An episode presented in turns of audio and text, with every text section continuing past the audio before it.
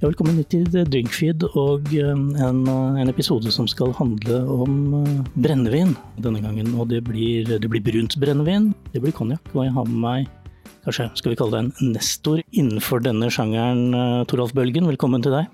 Tusen takk. Ja, Du har holdt på lenge, du. Ja, jeg har drevet på en stund. Men um, konjakk var ikke det første jeg starta med.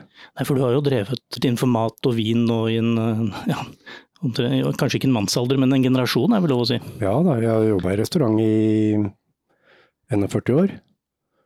Og drevet mitt eget sted i snart 27. Ja, ikke sant. Det er ikke alle som klarer det i, i våre dager. Nei, respekt, da, respekt, for den, altså. Holdt det hardt i korona, men eh, det ser ut til at, at, det går bra. Ja, vi prøver å skli oss gjennom. Jeg tenker at uh, temaet i dag er jo konjakk, men vi må jo snakke litt om deg også, siden vi først har deg i studio. Da. Du skulle bli musiker, du?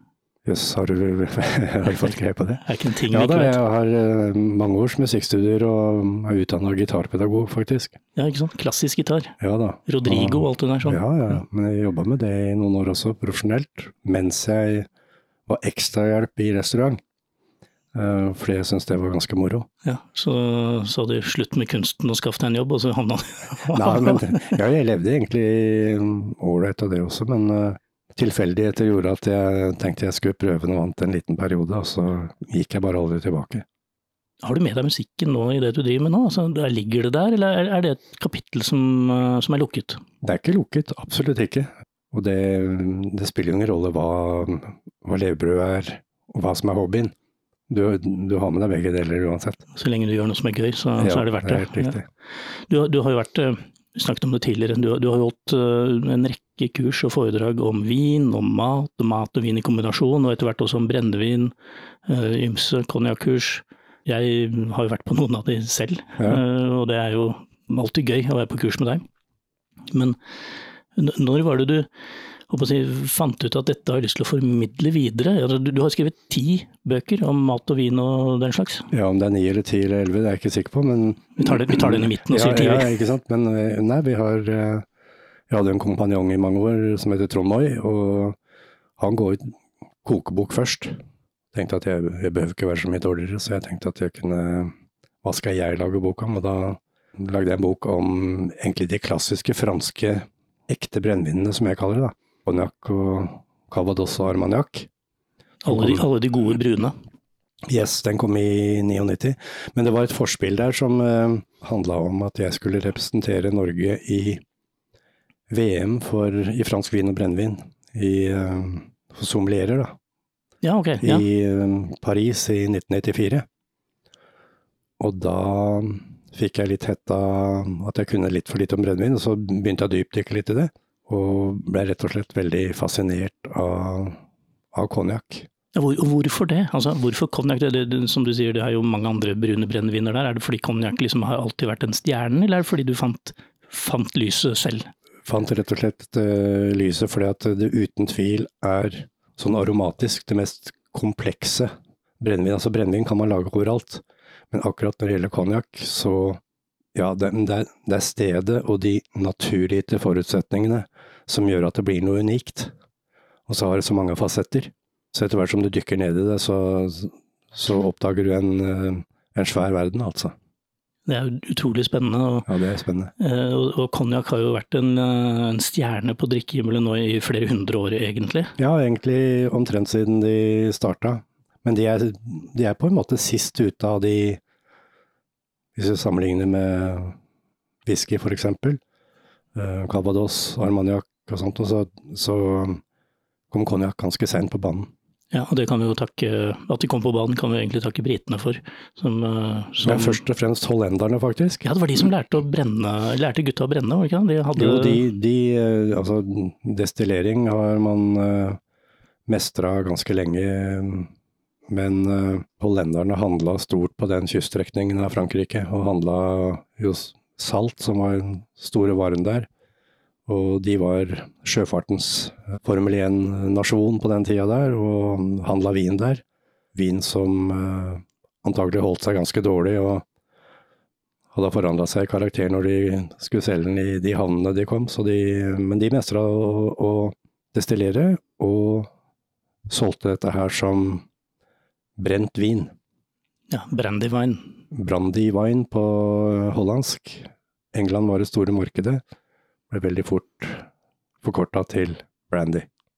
Og da etter hvert så flyttet jo engelske familier til området, å, som, de, som de for, for så vidt gjorde også i Portugal. I Porto, eh, alle distriktene har jo hatt engelske familier som har sett handelsmulighetene som kom inn. Tok ei stund, da.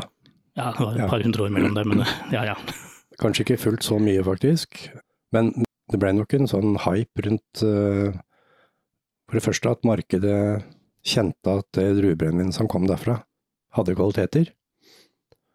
Og da Av de store klassiske så kom altså Martell til konjakk i 1715. Og um, lagde vi, som, som vi veit, en levedyktig bedrift. Ja, og den, den, er jo der ennå, og er, er, jo en av de virkelig store fortsatt. Det er vel nummer to, tenker jeg. Ja. Det kan komme tilbake til hvilke familier og hvilke bedrifter og hvilke som er der. fordi det som slår meg da når jeg satte meg inn og begynte å lese litt her før du skulle komme, var at eh, det er jo en stor, ganske stor norsk, norskt innslag i konjakk. Og det er vel kanskje grunnen til at vi, vi er litt fascinerte av akkurat den type brennevin her oppe i nord også? Ja, det er morsomt med nordmenn og den skandinaviske hjelpeforening som de Men, men det, er så, det er ikke så snodig som eh, man skulle tro, altså. For det, ja, dette her eh, henger jo sammen med at på slutten av 1800-tallet så begynte jo nordmenn å få tro på seg sjøl. Og det var veldig vanlig for borgersønner å reise ut i Europa og lære ting og ta med seg hjem igjen. Og vi ble jo, som de fleste veit, selvstendige i 1905. Så du hadde egentlig Altså, fattigfolk, de utvandra jo. Ja, de dro til Amerika og begynte de, ja, ja. å skulle lage så korn og dyrke kuer og sånn, den slags. Mens eh, borgersønnene hadde jo kanskje gått middelskolen og kunne stotre litt på tysk og forstå engelsk, i hvert fall. Så eh, når de reiste ned i Europa til forskjellige steder, så ja, en del av dem stoppa opp i konjakk og ble ansett som um, verdifulle arbeidstagere, fordi de var etter den tids standard språkmektige. Altså de kunne skandinaviske språk, stotre litt på tysk, som jeg sa, og litt engelsk, og franskmenn har jo alltid vært helt håpløse på språk. Ja, det, det, det, Annet enn sitt eget. Det sitter igjen enda. Det sitter igjen enda. Og siden konjakk alltid har vært en eksportartikkel, mer enn innenlands, så fikk de, de, ja, de fikk gode selgerjobber, disse gutta. Altså, vi, vi, skal ikke underslå at det fantes både svensker og dansker der òg. Nei, det er mange hus som har skandinaviske navn. Men det er klart jeg, pleier, jeg, pleier, å si at, eh, at uh, noen av nordmennene blei der, for det, selvfølgelig vil man ha mye mer drag på damene enn enn svensker og dansker, så Uomtvistelig, det ja, der. Ja. Ikke sant. Så, så, noen av dem blei der og stifta familie, rett og slett. Ja, og vi har jo da kjente familier som, som har preget konjakk si, konjakkverdenen her i mange år. Vi har jo altså Bakke Gabrielsen, vi har Bråstad osv., som, som er fortsatt tunge navn på Vinmonopolet. Er, er det noen som har blitt borte underveis? Ja, eller borte og borte. Det har jo kommet noen som har prøvd å hive seg på, på det, sånn underveis, når de ser at eh, de norske, norske gåseøyne, merkene, har, har suksess. Men, men, det er i utgangspunktet egentlig tre familier. Og det er, som du sa, Brostad-familien, opprinnelig fra Gjøvik. Og Bakke Gabrielsen, den uh, unge Thomas Bakke Gabrielsen. Sekondløytnanten som, ja, som kom fra Holmestrand. Ja. Faren hans hadde brennevinsutsalg i Holmestrand, så han var sendt ned for å lære om, uh, om brennevin. Altså. Arvelig belasta, kan du si, nesten. ja. Nemlig. Og, og, det var en norsk konsul i området som het Peder Rustad, som tok seg litt av den unge Thomas når han kom ned der. Og de slo seg sammen og kjøpte en um, eksisterende liten bedrift da, etter at Thomas rett og slett ikke reiste hjem igjen, men uh, forelska seg i den unge Odette Villar. Odette, du, faktisk. Og, ja. ja. Um, og gifta seg um, ja, i rådhuset i Konjakk i januar 1906. Og da, mm, de hadde kjøpt et firma som eh, het Edmund Dupuy, som var etablert på 1850-tallet, og gamle Dupuy han eh, ønska å gi seg, så da kjøpte de den bedriften, og ja, eksisterte under det navnet. På de fleste markeder. Men når de skulle inn i Skandinavia, så ønska de å De var jo stolt over sitt opphav, ikke sant, og de ønska å rett og slett eh, ja, bruke Rusta og Bakke Gabrielsen. Det var etiketten. Ja, og det ble jo solgt, uh, solgt, som det ganske lenge på i hvert fall norske markedet?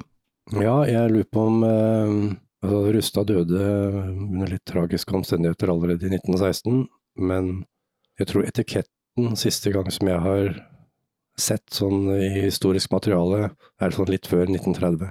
Ja, riktig. Så det holdt det gående så lenge før det ba, da ble Bakke Gabrielsen. Bakke Gabrielsen. De hadde en liten eh, Ja, de fikk det veldig bra til. eh, Det var jo forbudstid både her og der. Men du vet at konjakk har alltid, hvis du ser på gamle engelske krimfilmer f.eks., hvis en får en på trynet og besvimer, hva er det de henter da? Ja, de, henter, de henter jo ikke melk. De henter et glass med brandy. Helt sant. Um, Så de, de har alltid hatt en aura av medisin over seg. Så når eh, Bakke Gabrielsen eh, satte på Fikk en etikett som het Tre kors, som ble solgt som medisin under eh, spanskesyken og under forbudstida på apoteket, så var det en ganske Det var, det var en snedig markedsføringstriks, Ja rett og slett. ja. Virker det enda? Nei, i dag så sier vi at uh, av alle ting som ikke hjelper, så er konjakk det beste. Ja, det, men det, det er en god leveregel, Ja, spør det du meg. Absolutt. Vi, vi, vi må ikke glemme den siste her, som eh, altså Birkedal Hartmann, som, eh, som også eh, slo seg ned der. Eh, Ja, men de, de har ikke de, de, er, det var det jeg skulle si, de er jo ikke så Det var ikke noe konjakkfirma det, vet du. Nei, Det var en, en negosiant som handla stort sett med vin. Ok, som hang kom- seg på. Ja, hang seg på, og det i nyere tid. Altså etter år 2000, stort sett. Ja, ok. Da, Men, men den vi ikke må glemme, er Larsen. Larsen må vi ha med. Vikingskip-Larsen. Ja, som, som var egentlig historisk eh, den største av dem. Han kom sist til konjakk. Jeg tror ikke han starta for seg sjøl før 1926. Men var jo enormt god med markedsføring. Så Og han spilte jo tungt på dette skandinaviske viking, eh, det Ja, som, ja. Og, og skjønte hvilke ting som dro. Jeg husker jo disse vikingskipene var jo ettertrakta eh, samleobjekter til langt opp på 90-tallet. absolutt. For det Jeg jeg vet, for jeg vet kanskje ennå. Jeg tror ikke han lanserte dem kanskje før på sånn seint 70-tallet, rundt 1980, men, men eh, de ble samleobjekter, og kom jo i forskjellige Noen vil si litt glorete utgaver, andre vil si helt fantastisk flotte utgaver. Det er jo hva man Jeg, tror- jeg tror jeg hadde en i helt gull, jeg. Ja, ja, ikke sant. Personlige preferanser, så Skulle klinke til. Ja. Men, men eh, han hadde andre ting på andre markeder, så det var ikke noe vikingskip i Japan, altså. Der var det andre ting. Så han var veldig Det er en dårlig vits det der, ikke sant. At uh, han, han jobba så mye med, med innpakning at uh, noen kalte den for emballasjen. Emba- Emballasjen, ja. Kunne vært datteren, da, kanskje. Ja. Men uh, litt sånn Hvis vi ser Vi vet jo at Norge, og nå etter hvert da Midt-Norge av en eller annen grunn, er fortsatt et, et slags impact for konjakk og konjakkbrukere. Ja. Og det som er litt uh, fint, da, syns jeg, er jo det, det er at disse norske husene fortsatt hevder seg her hjemme, selv om de er i konkurranse med store uh, merker. Chateau Montefort, Duluth, alle disse som, som leverer store kvanta, leverer veldig bra, gjort det i veldig mange år, så, så, så holder de norske navnene seg veldig bra. Ja, de er markedsledende. Ikke sant? Ja, ja, de er det. Og det, eh, det har de egentlig vært hele tida, men sånn fram til eh, 1980-tallet så var det via det gamle Vinmonopolet som importerte massekonjakk og tappa hjemme. Ja, det var, Så- det var jo omtapping her i Oslo. Omtapping i Oslo, og da var det mm, to merker. eh, Vinmonopolets trestjerners konjakk og Vinmonopolets VSOP. Og de, de sto for veldig stor del av, av salget. Og så var det Larsen selvfølgelig på sida, og, og Bakke Gabrielsen Tre Kors, men absolutt ikke de, de kvant, kvantaene som, som Vinmonopolet hausa ut. Altså. Som klarte å, klarte å få inn. Ja. Og så var det de store husene, Martell, med sine varemerker, ikke sant. Ja. Hennessy, Rimi Martin, Som, i dag, som fortsatt i dag er grisesvære, de, men de hører jo inn under enorme konglomerater der ute som, som styrer de. Det er fortsatt fire store aktører, Ja. som er ved Hennessy. Over 40 av hele konjakkmarkedet er hos Hennessy. Nummer to er vel fortsatt Martell, men så litt periodevis er det Remi Martell og Courvoisier som konkurrerer litt her. Ja, og så blir det fragmentert nedover til uh, hvor, hvor nerd kan man bli på konjakk? Jeg tror det, det, det finnes det vel et uh, Det må en himmelens hersker, et par-tre hundre eh, forskjellige hus? Ja, det er mange hus, og det har blitt flere. Og det har jo sammenheng med at eh, Og, og den forandringa der, den, den har du sett markert siden år 2000, da. Det er det som er spennende, at du, du, du har altså Det har gått 400 år, og likevel så er det hele tida uh, nye ting som dukker opp.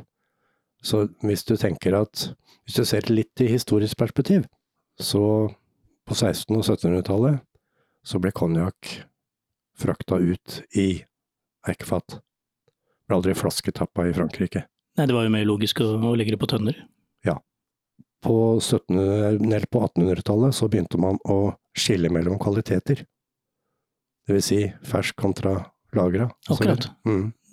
Og, da, kom, og da, da, var det starten på alle disse kvalitetstrinnene vi har i dag. For nå er det ganske mange, egentlig. Hvis du ja, det er, det er, egentlig fortsatt bare tre. Ok, fordi hvis du begynner å sette inn, så er det sånn eh, alle mulige sånn halvgrader og Det er masse etiketter. Eller, eh, ja. ja. Ok, så, så det, er bare, det, er bare, tre grunn, ja, grunngrader? Ja, det, er, det er eh, VS, VSOP og EXO, egentlig. Ok, Så alt annet er mer sånn det har vi funnet på fordi det ser bra ut? Ja, hvis, ikke sant. Så nå er jo EXO f.eks. skal ha yngste bestanddel ligge ti år på eikefat. Og i den blandinga så kan det være konjakk som har ligget 80 år på eikefat, for den saks skyld. Ja, ikke sant. Men, og det har vært seks år fram til 2018, og nå er det ti år. Hvis du tar en konjakk ut på markedet som har ligget på eikefat i 30 år, så ønsker du selvfølgelig å forklare, markedet, forklare markedet at dette er noe som er bedre eller finere enn det. Dette er noe annet, liksom. Dette er noe ja. annet. Så da har man f.eks. sagt at eh, Og det var heller ikke vanlig før, det å sette distriktet innad i konjakk på etiketten. Nei, for det, det, er jo mulig. Ja, og det gjør man nå. Så, så, eh, og særlig Grand Champagne, da, som er den indre kjernen i konjakkdistriktet. Indre fileten, for å si det sånn. Indre fileten. Den er ikke noe særlig ålreit å Den bruker lang tid på å utvikle seg. Ja, for det, det, er også en sånn greie med konjakk at de forskjellige kvalitetene er avhengig av hvilket uh, område druene kommer fra, rett og slett? Ja ja, det er helt uh, riktig. Vi kan jo kan sikkert snakke litt om, om det. Det kan vi, men da mm. får det bli en annen gang. Ja. men, men uh, Grand Champagne, da, som er uh, indrefileten som du kaller det, og da kan det stå på etiketten at det er en konjakk derfra som heter bare Vieux, som betyr gammel på fransk. Eller hvis det er referert til Grand Champagne, Vieille Grand Champagne, ikke sant. Ja. Ekstra er en ting som har vært også brukt opp igjennom. Nå, nå, går vi inn i en tid hvor konjakksalget er i en bølgedal nedover. Det, salget går beviselig ned egentlig ganske bredt på veldig mange markeder. Og det ser vi jo omtrent på konjakklubbene som vi har her i, her i, Norge. Så er det veldig Altså, de er ikke så virile som de kanskje var for 15-20 år siden. Nei, det er mulig. Det er ikke så gærent som man skulle tro, altså. Nei, det er bare tallene som ja, viser det fra, ja. fra salget. Men så, men så, ser man det i andre sammenhenger òg, f.eks. at konjakk kanskje har gått fra å være denne avekken som da jeg var liten alltid fulgte med når de voksne hadde middag, så var det alltid en konjakk eller en likør etter kaffen. Ja. Og det holdt seg jo ganske lenge, helt til man nå begynner å se cocktails, eh, egne mm. cocktailstyper. At man skal bruke konjakk som ingredienser i drinker. Uh, er, jeg jobber i restaurant, så jeg ser det der på nært hold. Hva, hva, hva, tenker du om det? Altså, er det som skjærer i konjakkhjertet ditt, eller er det bare kult å få omsatt uh, sakene? Nei, det skjærer ikke i hjertet mitt i det hele tatt. Det finnes konjakk for alle anledninger. Og en helt ung, uh, ulagra konjakk si, det har ikke de sånne kvaliteter som, som i en gammel en, som du kan sitte og filosofere over og lukte på og, og avdekke lag med lag med aroma, ikke sant. Ja, du, det er et ganske ungt, eh, rått brennevin. Dog med ikke så rått som veldig mange andre, men eh, du kan tenke deg at eh, altså konjakk er destillert vin. Det var jo en periode det var veldig stas med grappa f.eks. Og grappa er jo et avfallsprodukt. Det er jo, det er jo avfallet etter vinproduksjon som destillerer, så der har du mye mer fuseloljer og, og svineri i duft og smak. Så unge konjakker er egentlig i forhold til andre brennevin relativt elegante, men kan ikke sammenlignes med, med lagra vare, da. Så det kan du Jeg begynte i bar i 1980, og da var det et fenomen som het pjolter. Ja, pjolter, ja. Det er jo det er noe som noen har prøvd å revitalisere nå i det siste, uten ja. at det egentlig har slått an noe spesielt, da. Nei da, det er helt riktig. Men det var veldig, veldig vanlig den gangen at folk bestilte pjolter, enten whiskypjolter eller konjakkpjolter. Og det var rett og slett ung konjakk med soda. Ja. Oppkalt etter PJ Holter i sin tid. Det, sier, det sies det. Det sies det. Vi, vi, vi, liker, vi liker jo myter og legender, og vi, la oss holde oss til den, da. Hovmester på Grand Hotel. Ikke sant? Ja. Men i og med at vi nå kanskje går inn i en, det, skal vi si, en fragmentert bruk av konjakk, både som ingrediens i drinker, men også fortsatt eh, noe du kan løse verdensproblemene rundt foran peisen, Mm. så ser vi også at eh, enkelte konjakkhus endrer jo eh, hvilke produkter de sender ut på markedet også. Jeg tenker eh, vi nevnte jo huset Bakke Gabrielsen som nå har kommet med en, en annen måte å bruke fatene på, hvor de, hvor de kjører veldig mye på amerikanske eikefat for å få fram en helt annen type aroma og smak. Er det noe vi, tror du at det er noe vi kommer til å altså se andre hus følge etterpå? Altså endre, endre produktet for å, å åpne nye markeder? Er, er det mulig å si det på den måten? Så hele konjakkbransjen ønsker jo at man skal bruke en konjakk i longdrinks. Ja, ikke sant, for du øker jo omsetningen, og du, det, altså, det har vi jo glemt å si, da. Disse, disse konjakkene som ligger da 15, 20, 30, 40, 80 år på fat, de tar jo opp eh, store det, det er jo ganske mye penger som ligger lagra der som ingen får brukt. Ja, de, de kommer til sin rett etter hvert, altså.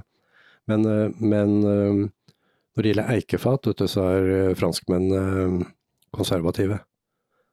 De mener sjøl de har den beste eika, og man hadde ikke eikefatet som en eh, Det var ikke noen metode for å aromatisere en drikk i gamle dager, det var en naturlig beholder. Ja, du skulle bare frakte det. Altså, skal- alt det andre var jo bonus, var det ikke det? Helt riktig, og det er ikke sikkert de tenkte så veldig mye på bonusen eh, i begynnelsen heller.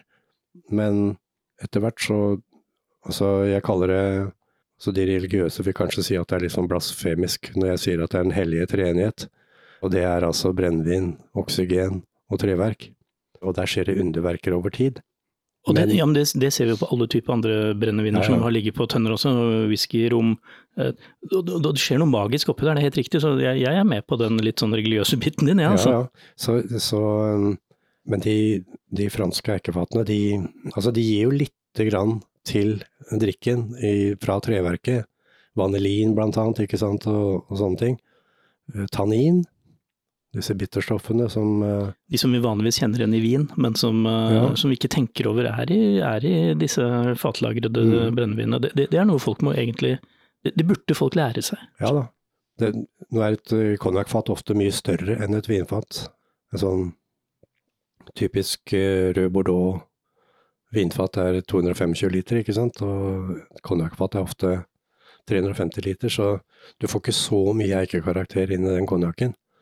Eh, Og dessuten så kan du la den begynne livet på et gammelt eikefat og tappe den over i et fat som er brukt flere ganger, hvis du ikke, når du har fått den ønska karakteren på den. Og etter det så er det bare kontrollert oksidasjon, som vi kaller det. Ja, ikke sant? Så Vi snakker egentlig om et naturprodukt her. Eh, Det er kommet helt av naturlige ting. Det er, det er ikke det, det er jo en myte det at man kan helle oppi litervis med eh, karameller og fargestoffer og alt mulig. Det er, det er vel lov med litt, men du, du kan ikke bare skalte og valte som du vil. Nei, absolutt ikke, men akkurat det med farven på en konjakk, det, det er for, ikke på noen måte for å manipulere noe produkt. Det er rett og slett, hvis du tenker oss at kanskje, ja, 95% av konsumentene av konjakk har ikke greie på konjakk. Ja, men det kan jeg kjøpe. Og hvis de da, siden det er eikefatene som gir farven, tenk deg situasjonen hvor eh, Martell eksempel eh, sender ut sin, eh, for å nevne et kjent varemerke, sin Cordon Bleu, som har eksistert i over 100 år. Så til de grader kjent òg, så det er jo, det er, det er jo lov å om- snakke om, faktisk. Ja. Om den hadde hatt forskjellig farge hver gang. Ja, det, da hadde folk trodd det her er noen som har juksa og tappa til høyre Ja, og venstre. ikke sant? uten og. Ja. Markedet hadde blitt veldig usikre, så derfor så regulerer man fargen litt med sukkerrør. Du møter innimellom på folk som sier at de kan eh, lukte og smake om det er brukt sukkerrør eller ikke, og jeg bare fnyser av dem. Himle lett med øynene Ja, og lager en litt sånn rar lyd. Ja. Ja, Mm. rett og slett. Ja, for, det, for det er jo ikke mulig. Altså det, vi som har vært med litt, vet jo at det er, det er bare sprøyt. Det, det funker ikke. Men så man har også lov til å regulere med litt grann sukker. Ja, hvorfor det? Det er, altså, noen vil kalle, si at det, det er å jukse, og sminke konjakken på en måte for at den skal være lettere tilgjengelig smaksmessig. Lettstyrta, med andre ord, du, du, du, du Nei, søter den til. det, det, det gjør at konjakken kanskje ikke blir fullt så aggressiv alkoholmessig i siste fase av smaken, men øh, hvis du ser litt rundt deg i, når det gjelder andre drikkevarer, så gjør man akkurat det samme på øh, verdens beste musserende viner i champagne, f.eks. Tilsetter man litt sukker. Ikke for å skjule noe dårlig, eller for å Men det er rett og slett for at champagne er ekstremt syrlige viner. Og det er for å bare runde av den syra litt. Du må prøve å brekke den litt noen ganger. Ikke sant? Ja. Så, så det, det, men det er litt interessant, eh, Toralf, for du, nå dro du inn champagne her. og jeg, jeg, tenkte jo med en gang jeg skulle spille inn det programmet her, at uh, champagne og konjakk er liksom de to store skal vi kalle det divaene på hver sin side av, uh, av skalaen. Den ene er den derre Du skrev jo faktisk en egen bok du om champagne. Ja, jeg har skrevet bok om champagne, ja. Og, mm. så, så, du sitter jo liksom og, og, og kan sammenligne disse to Eh, hyperstore merkevarene fra Frankrike. Er, de, er, det noen mulighet til å sammenligne disse to, eller det, har de levd sitt eget uh, parallelle liv helt uavhengig av hverandre? De har levd sitt eget parallelle liv helt uavhengig av hverandre, men likhetspunktet det er at begge to lages etter naturgitte forutsetninger. Altså geologi og klima, mikroklima, alle de tinga som spiller inn for hvordan sluttproduktet smaker. Og prøvde, begge prøvde å selge seg inn til det russiske hoffet i sin tid. Da. Det var jo også en, en start for, for, både champagne og konjakk. Ja, ja, det har de klart begge, begge deler med, med, med, bravur. Er du fortsatt like fascinert av konjakk uh, nå som du var for 20 år siden? Ja, jeg, jeg jobber ikke like mye med det, ganske enkelt fordi at jeg, jeg, har ingen, eh, jeg har ingen ambisjoner rundt det, annet enn å hygge meg med det. Men jeg er veldig fascinert av utviklinga der nå. Fordi at, øh, og det, det har champagnevinene og konjakken felles. Det det at det, domineres av noen store aktører som kjøper inn varene sine fra tusenvis av bønder. Og der har det skjedd en forandring i champagne, med at uh, de som før leverte kanskje i åtte generasjoner til, uh, til Veuclicot, plutselig finner ut at eh, nei, vi lager egentlig så god vin at uh, nå, nå, har vi vår egen champagne med vår families etikett. Ikke sant? Så blir det en underskog av nye produsenter som er spennende. Men det, det, men det er jo bare bra, det, det er bare ja, morsomt. Det er, det, er som, det er utrolig spennende, og det, det, skaper mangfold i bransjen, ikke sant. Og i, i konjakk så, så, skjer jo det, men hvis du nevnte Bakke Gabrielsen i stad, så så er de også et firma som syns det er morsomt å la andre stjerner skinne.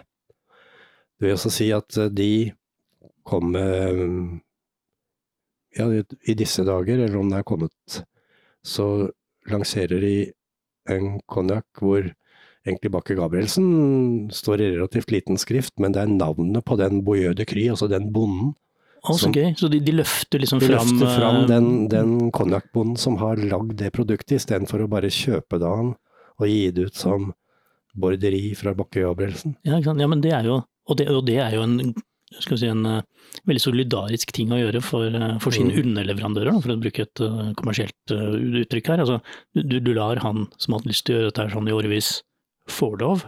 Ja, levert varer der i, i lang, lang tid, ikke sant. Og så får han plutselig eh, navnet sitt på etiketten. Og det å, å dra fram familienavn fra disse gårdbrukerne, dette her er landbruk, ikke sant? Selvfølgelig, de er jo bønder, må ja. ikke glemme det.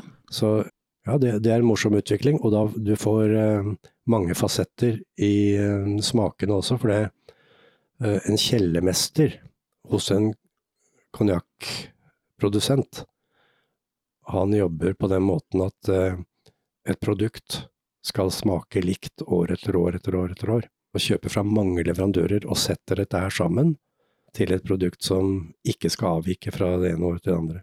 Så derfor, når de begynner å lansere produkter med årgang, for eksempel, eller fra det er morsomt å se, da, for det er veldig strengt når du skal lansere en årgangskonjakk. Da må myndighetene ha fulgt det fatet. Ok, Så de, blir overvåka, Ja? Ja, ja, du må melde inn, og, så, og, så, blir det fullt, det fatet, så du kan, ikke kan blande noe annet inn i, ikke sant. Står omtrent kamera nonstop på det, omtrent? Men uh, Lott 91 står det på en flaske fra han bonden jeg snakka om nå. Man vet at den konjakken er, er destillert, eller er fra druer i 91-årgangen.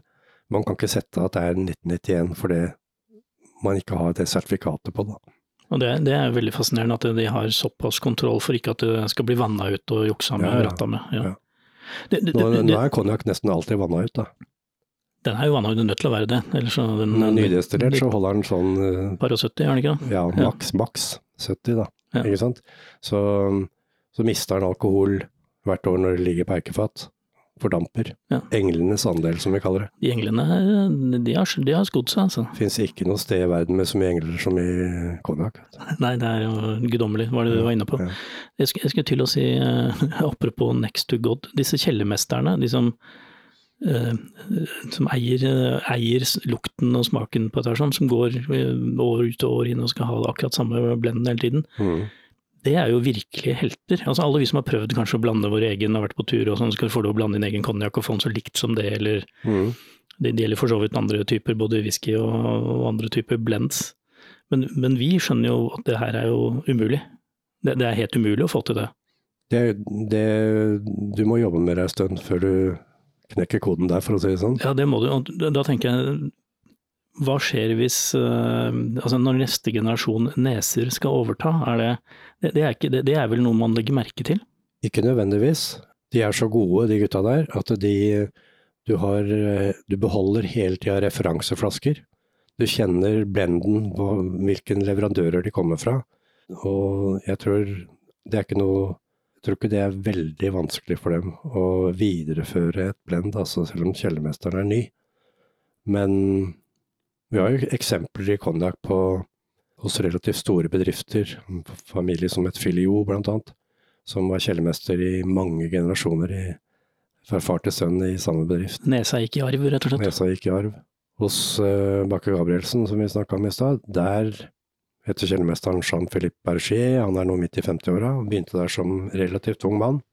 Hadde vokst opp på en konjakkgård, og destillert sammen med faren sin og, og jobba med dette her. Men han hadde, før han ble voksen, så hadde han aldri lukta eller smakt på noen ting som ikke kom fra gården i petit champagne. Og når han da fikk smake på Fabois eller Grand Champagne eller hva som helst utenom der, så tenkte han at jøss, så kan det smake så forskjellig, ikke sant? Det, det forteller meg at du er, du er innfødt til det. Ja da, veldig ofte så er det innfødt til det. Hvis man har lyst til å begynne å, å, å leke med dette, her, sånn, kan, man, eh, kan man snuse seg altså, Blindsmaking med konjakk er jo ikke akkurat noe folk flest tenker på, men, men det er jo mulig.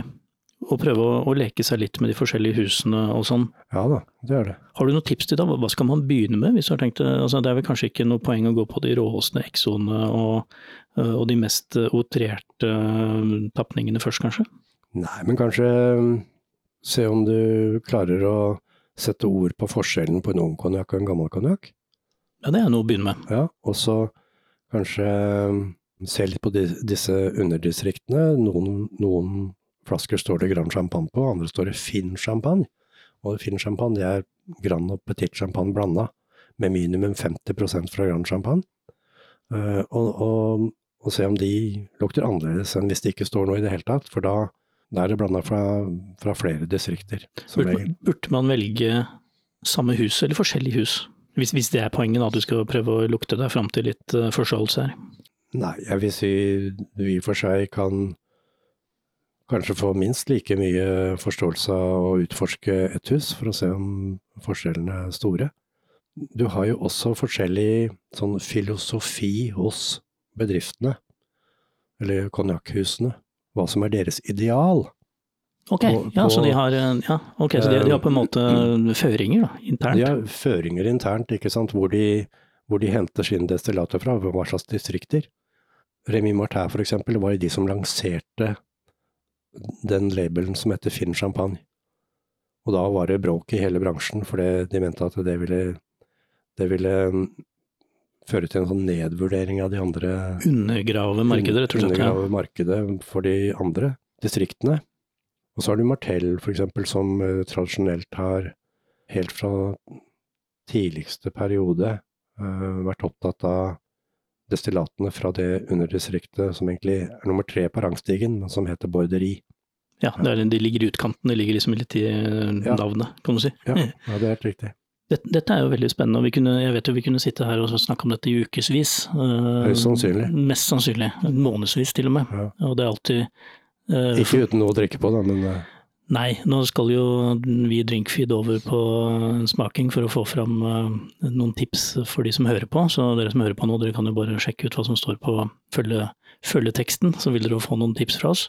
Olav skal få lov å løpe videre til uh, hva du nå skal her i verden. Det er vel noe mat- eller vinrelatert, vil jeg tro. vi skal rett og slett Jeg skal ned i restauranten, og um, vi har ny meny i dag. Og vi skal um, sette i gang en ostevogn i dag. en Og- ostevogn, ja. ja. Men det, det høres ut som en veldig trivelig jobb. Ja, det, det er helt fantastisk. Men tusen takk for at du tok deg tid til å komme, komme her uh, i baren til Drinkfeed og, og snakke litt om konjakk med oss. Det har vært veldig veldig hyggelig. Og jeg gleder meg til å kjøre en episode til med deg en annen gang om, om konjakk eller noe annet. Da, hvis jeg får si noe avslutningsvis til folk Konjakk er en utrolig spennende verden. Verdt å utforske. Da prøver vi å gjøre det. Takk.